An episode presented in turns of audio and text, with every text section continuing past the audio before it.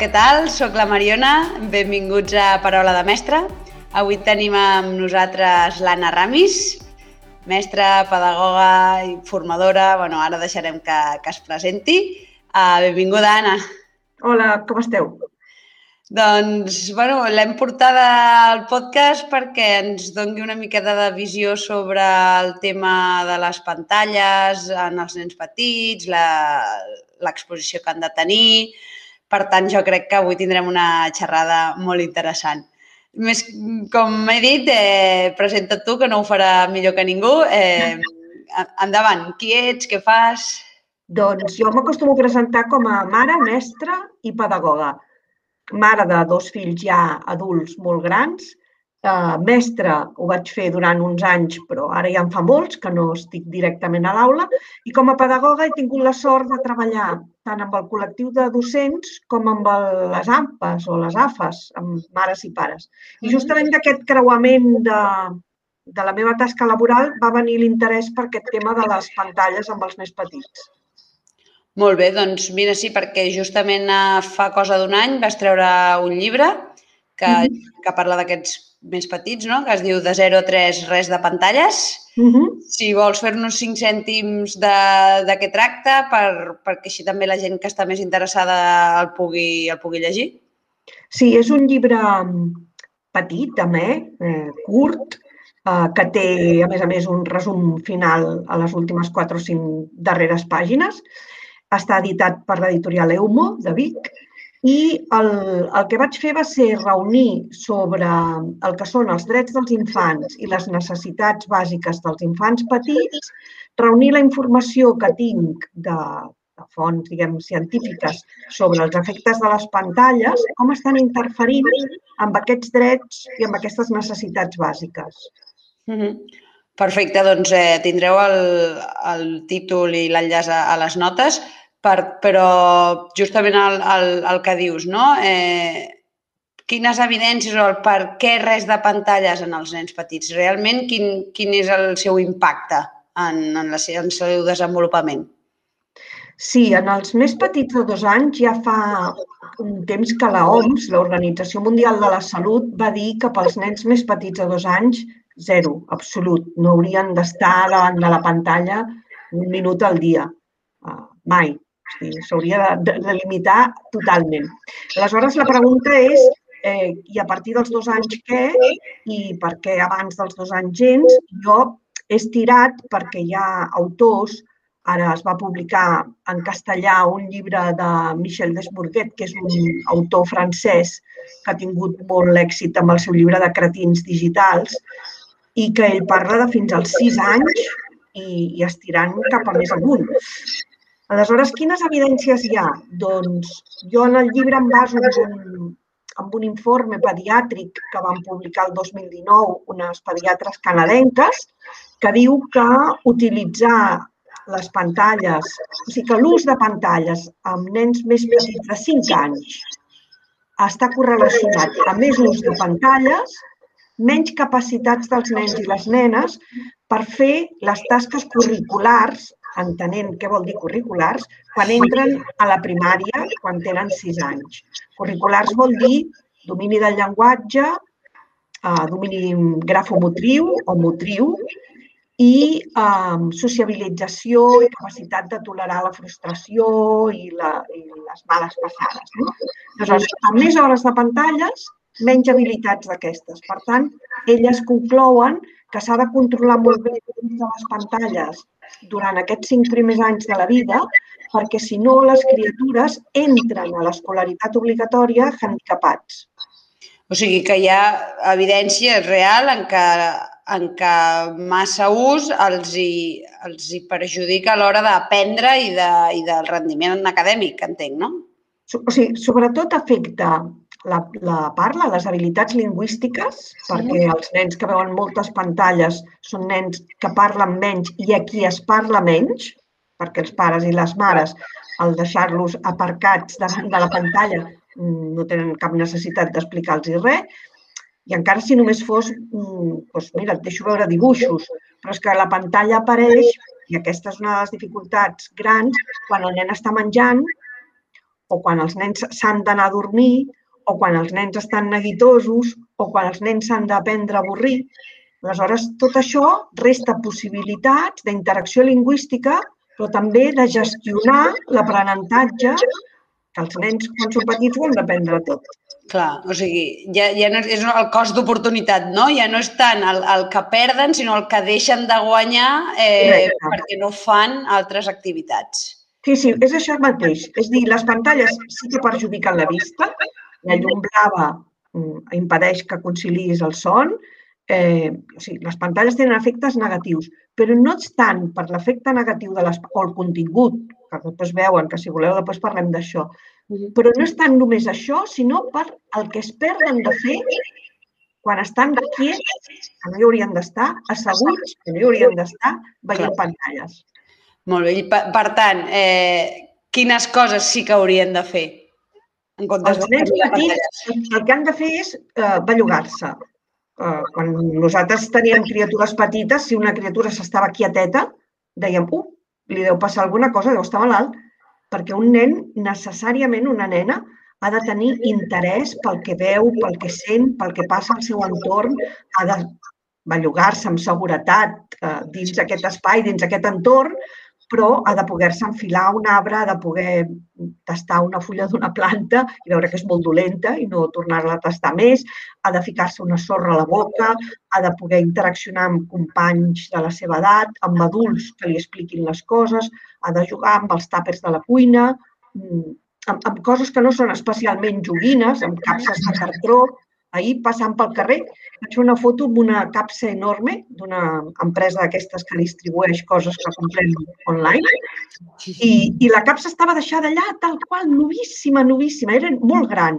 I vaig pensar, quina oportunitat de jugar per als nens petits d'aquesta casa. I si la família que ha rebut aquest paquet no en té, home, truca als veïns de l'escala perquè amb allò s'hauria pogut fer un cotxe, una caseta.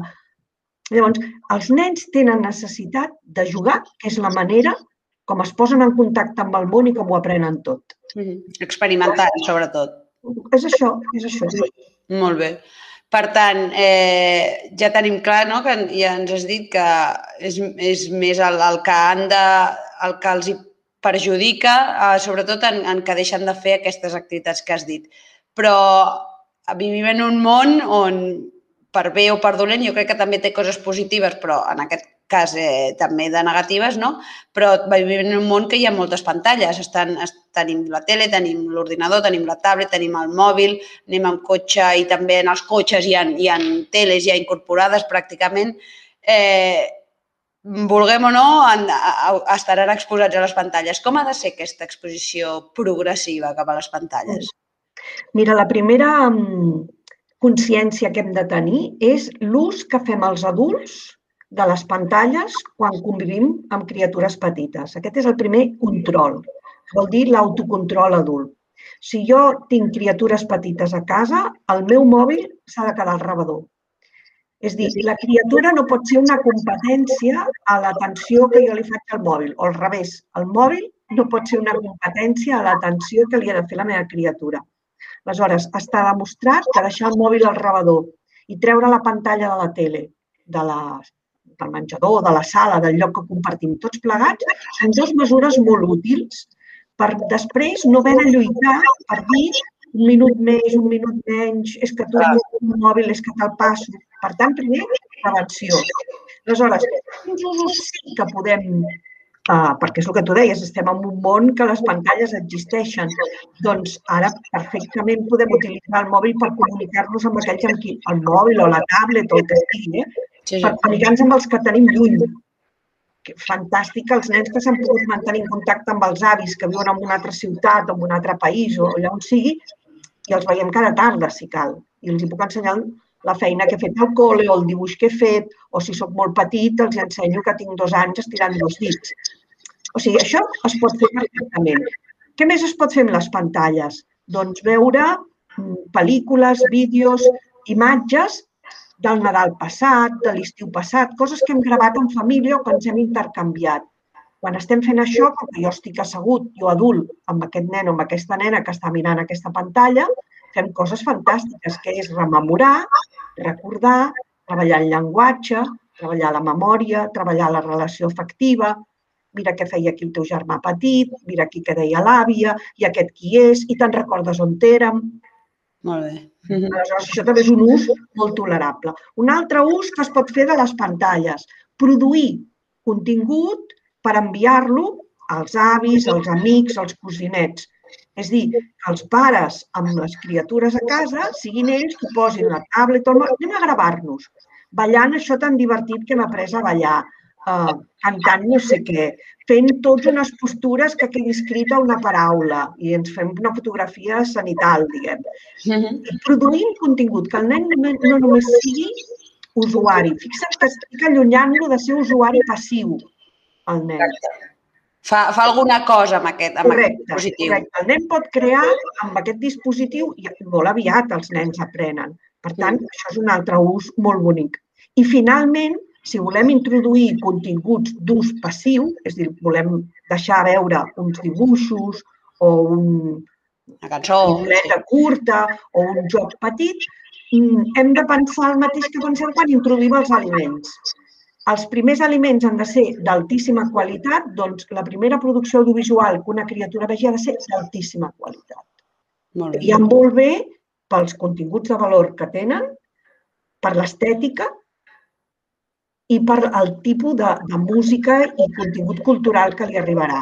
Poso un exemple. El Baby Shark és un contingut del paradigma de la tonteria absoluta de la bessura cultural. En canvi, hi ha una sèrie francesa que es diu Minuscul, petit, minuscul, que és una sèrie de, de dibuixets de 3 minuts, 5 minuts, que són una delícia estèticament.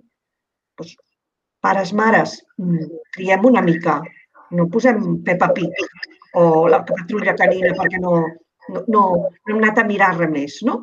Per tant, aquest primer aliment digital, cultural que a la criatura li arriba, que sigui boníssim, exquisit. Molt bé. No, no, doncs molt, molt bon apunt. No hi havia pensat mai, però clar, té, té el seu sentit. Qualsevol cosa no, no ha de valer, no? Ha de, ha de ser d'una qualitat important. Mm -hmm. Molt bé. I llavors, eh, abans també hem, hem dit que, que algun perill a nivell físic, no? De, ja sí que n'hi ha de les pantalles, realment afecta molt a la vista o quines conseqüències hi han de la sobreexposició? Sí, els perills físics, mm, primera, són de la vista, perquè la...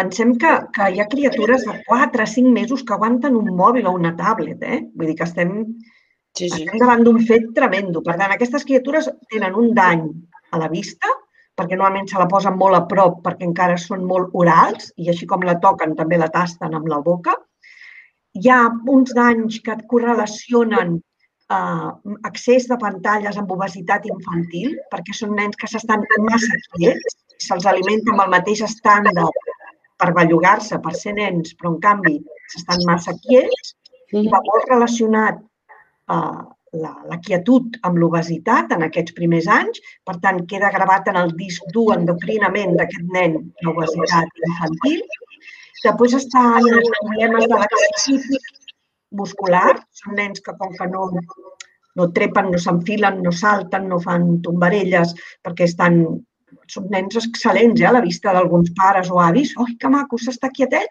molta sí. estona. Li agrada molt. Però senyora, senyor, és un desastre. No s'ha d'estar quiet, un nen. Llavors són nens que tenen, quan arriben a l'escola, quan van al parc, tenen més por d'enfilar-se, més por d'atrapar, no saben saltar, són més torpes i tenen la musculatura del cos més laxa. I després desenvolupen menys la motricitat fina. Com que són nens que a vegades ni mengen sols, perquè com que estan mirant la pantalla estan embadalits i no es miren ni el plat, ni la cullera, ni el que hi ha, no saben ni el que mengen, desenvolupen menys les habilitats de motricitat fina, d'agafar una cullera, de punxar amb la forquilla, d'agafar un estri per fer que sigui. Per tant, això està incidint en la futura escriptura i lectoescriptura. Mm -hmm. bueno, doncs veig que pel que dius tornem a, a lo d'abans. Ja no és tant el que, el que veuen, sinó el que deixen de fer. No? Tots aquests problemes veig que són perquè no salten, perquè no corren, perquè no juguen, no? Correcte. Perquè el temps que perden fent una cosa eh, no fan l'altra. Exacte. El temps infantil és limitat perquè els nens petits dormen moltes hores per tant, tot el temps que tenen és per aprendre tot, és quan d'aprendre tot. -huh. A menjar, a dormir, a tot.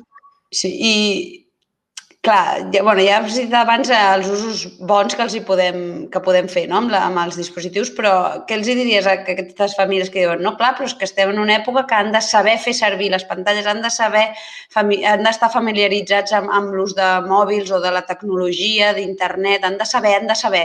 Què, què els hi diries?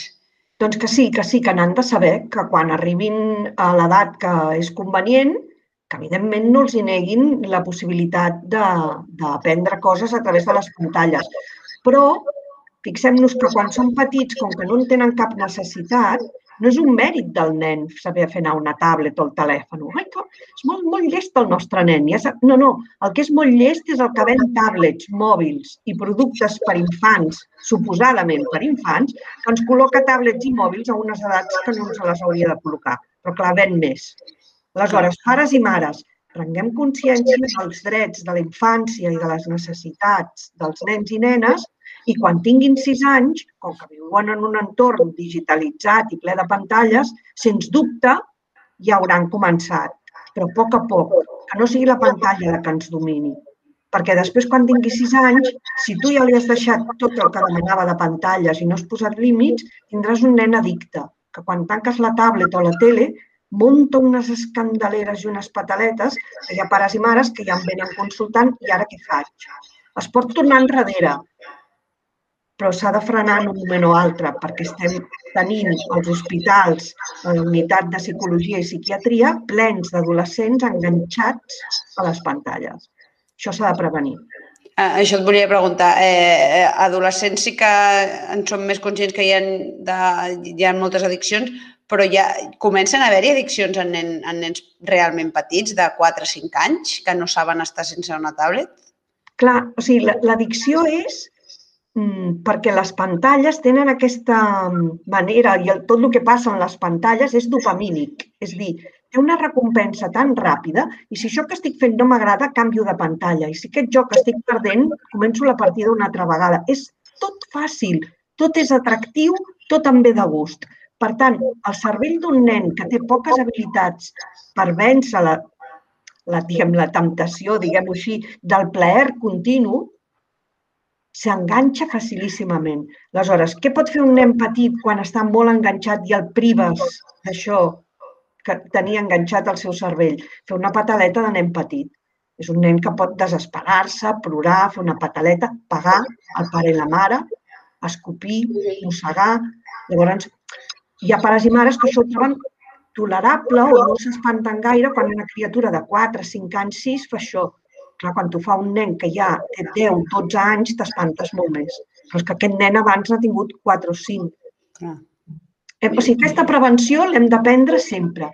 I és més, jo penso que a casa i a l'escola, evidentment, hem de més aviat posar pantalles amb els nens amb usos creatius, això que et deia, que sigui el nen que fabriqui alguna cosa. Mm -hmm. Perquè tots ens diem que som molt, molt dominadors digitals, però que som, som consumidors de producte digital. I el món és dels que són creadors de productes digitals i necessiten una massa de borregos que comprem i consumim per poder-nos col·locar més productes. Llavors, els nostres fills què volem que siguin?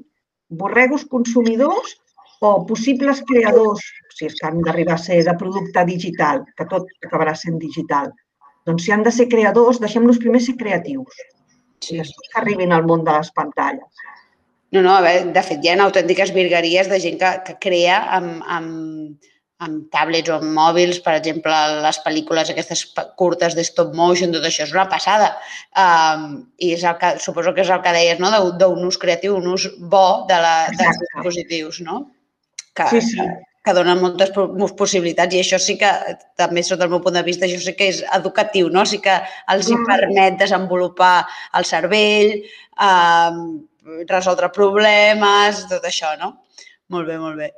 I, I ara hi ha usos a les escoles de, de Reggio Emilia, mm -hmm. han, han, han, han començat, o han començat ja fa anys, a fer usos molt bonics amb fotografies fetes pels nens, els hi deixes la tablet, ells fan fotografia, i llavors fan composicions amb aquestes fotografies. El mestre pot fer un teixit i després imprimim un paper que empaparà una part de la classe amb un teixit de dibuixos fets pels nens que els han fotografiat Mm -hmm. I, I, per tant, és mm, donar, donar valor a les produccions dels nens alhora que les passem a digitals. O bé interaccionar fotografies, és que es pot fer qualsevol cosa. Del mateix nen amb fondos de paisatges que han importat a YouTube. I puc posar aquest nen, ostres, mira, estem no sé, a Hawaii i ens hem posat tots els nens a la classe. Això és ser creatiu, no veure a les tres bessones el dia que plou. Correcte. Sí, sí. Eh, llavors, en els casos aquests que dius, bueno, ja, malauradament, ja tinc el nen enganxat, ja tinc el nen addicte a les pantalles, així, a grosso modo, des de, la, des de casa, de, de les famílies, què podrien fer quan, quan se n'adonin que han arribat a aquest punt o que estiguin en aquest moment, en aquest llindar, no? Què podrien fer per començar a desenganxar o que no tinguin un ús tan freqüent de, dels dispositius? Sí, el primer, el primer és donar-se compte. El segon és que els adults han de començar a reduir el seu propi ús davant dels infants si tu has de teletreballar, tanca't en una habitació i demana que no et molestin, perquè també està bé que els teus fills uh, respectin el teu temps de treball. I després jo diria ser conscient de que treure un mal hàbit demana molta força de voluntat. Eh, si algun adult vol posar-se com a referència quan va deixar de fumar o, o va deixar de beure durant l'embaràs, la mare o el que sigui, treure's un mal hàbit demana molta constància i força de voluntat. Aleshores, si la tens, mm, perfecte. Si no, demana ajuda, com a pare i mare. És dir, la meva feina és, és acompanyar pares i mares a, a reunir aquesta voluntat i mantenir-la. I és possible, eh? perquè amb els nens petits és, és relativament fàcil sumar el treure una pantalla quan sumes a aquella activitat on hi havia una pantalla el com que és nou i és atractiu per ell. Mm -hmm el moment que desapareix la pantalla. Ara, ho has de mantenir amb voluntat. Això als pares jo els dic, oi que veu treure el xumet o veu arribar a treure els bolquers? Recordeu el procés? Doncs ve a ser una mica el mateix. Mm. M'ha agradat perquè, a més, amb, amb les entrevistes que he anat fent d'altres amb altres persones, cada vegada me n'adono més això, no? el demanar ajuda. Ostres, doncs a vegades no ens en sortim nosaltres. Pues, hi ha molts professionals, hi ha psicòlegs, hi ha en el cas d'obesitats infantils nutricionistes, hi ha terapeutes, hi ha persones com... Sí, sí, demanar ajuda, no costa tant. No. I, I no és que ho facis malament, no, no. no és per sentir-te malament, al revés, és per donar valor a ens volem sortir d'això i doncs, com demanaríem ajuda a un pediatre o el que sigui, doncs demanem ajuda. Mm -hmm. Molt bé, doncs ja per, per anar acabant, eh, et volia també demanar perquè tant el que has dit, no? tant a casa com a l'escola a vegades recorrim al, al vídeo fàcil, no? La, les que has dit, les tres bessones pel dia que plou o pel que no plou, als últims minuts, no? Eh, algun, alguns tips, algun, algun hàbit o alguna cosa que diguessis, mira, doncs en comptes de pantalles podríem fer aquesta activitat que els aniria molt bé, o amb, amb pantalles o sense, eh? Sí, a mi una, veus, una de les coses que em pregunten sovint són els pares que tenen fills a diferents edats i, per exemple, el, el fill més gran, que té 7 o 8 anys, doncs sí que el deixen jugar a un joc uh, per internet o, o... I, en canvi, em diuen, i el petit què? Perquè s'està allà... Com li dic que no al petit, no? Clar. Doncs el, el tip que jo dono és proposa al petit quelcom tan atractiu i fora del mm, esperable que el gran tingui ganes de deixar el joc i s'hi sumi. Això és, uh, hi ha moltes activitats que podem fer a casa que els nens els són sumament atractives i són super simples. Per exemple, posar paper d'embalar en una paret i deixar que pintin a la paret tot el que els dongui la gana. Que mm. puguin pintar amb rotuladors, amb guixos. Hi ha pintura de paret d'aquesta que és com de pissarra, que pintes sí. en negre, i els nens poden dibuixar. Això té un atractiu immens. El germà gran voldrà que n'hi pintis una a la seva habitació per poder pintar el que vulgui. Dibuixar o pintar amagat a sota una taula, de cap per avall. Deixar que juguin dins capses de cartró. Proporcionar um, activitats, estic pensant en dintre de la casa, eh? però proporcionar sí, sí. totes les activitats a fora a l'exterior, deixar jugar al balcó, al terrat, al pati, deixar veure què passa amb plantes i mascotes quan són els nens qui se'n fan responsables, si s'assequen, si conviuen bé. És dir, permetre que amb el quotidià que tenim, i evidentment fer tanta vida a l'exterior com puguem, perquè les pantalles sempre ens tenen indoor i hauríem de fer outdoor el màxim de temps possible, doncs així que puguem passar el màxim d'hores a fora. I aleshores que els nens, el tip més bo és que els nens ens vegin que podem disfrutar amb ells fent activitats d'oci compartit. Que és jugar, pilota, eh, ballar, fer gimnàstica, eh, cuinar, sí. cuinar, el que sigui. Que ens puguem divertir junts, pares i fills. I aleshores, el dia que haguem d'introduir pantalles, divertim-nos junts, introduïm-les junts. Molt bé. Entrem en un joc i ens divertim junts jugant això, pares i fills. Bueno, hi ha molts vídeos de, de zumba o de ioga per nens al YouTube. Bueno, quan la mare o el pare es posen a fer-ho és que és per tronxar-se perquè tots ens veiem fent-ho. Llavors sí, poseu la tablet i graveu-vos mentrestant. I després us, us mireu a la tablet i us feu un tip de riure. Aquests usos de les pantalles són els que jo diria són, fan família, ens fan bellugar, si ens queda bé ho podem enviar no sé qui. És això. Molt bé. Ostres, doncs ens has donat moltes, moltes idees i, i, i, i tenim molt clar no? Quin, quins perjudicis i quines coses bones realment, realment tenen les pantalles. Uh, res més, la veritat, eh, moltes gràcies, Anna, per, per venir aquí al podcast. Gràcies a tu. Ha estat un honor. La veritat és que jo he après moltíssim. Jo espero que, que els oients, famílies o mestres o, o altres persones també també en gaudeixin. Doncs... Ja ho sabeu, el llibre i també està editat en castellà per Octaedro.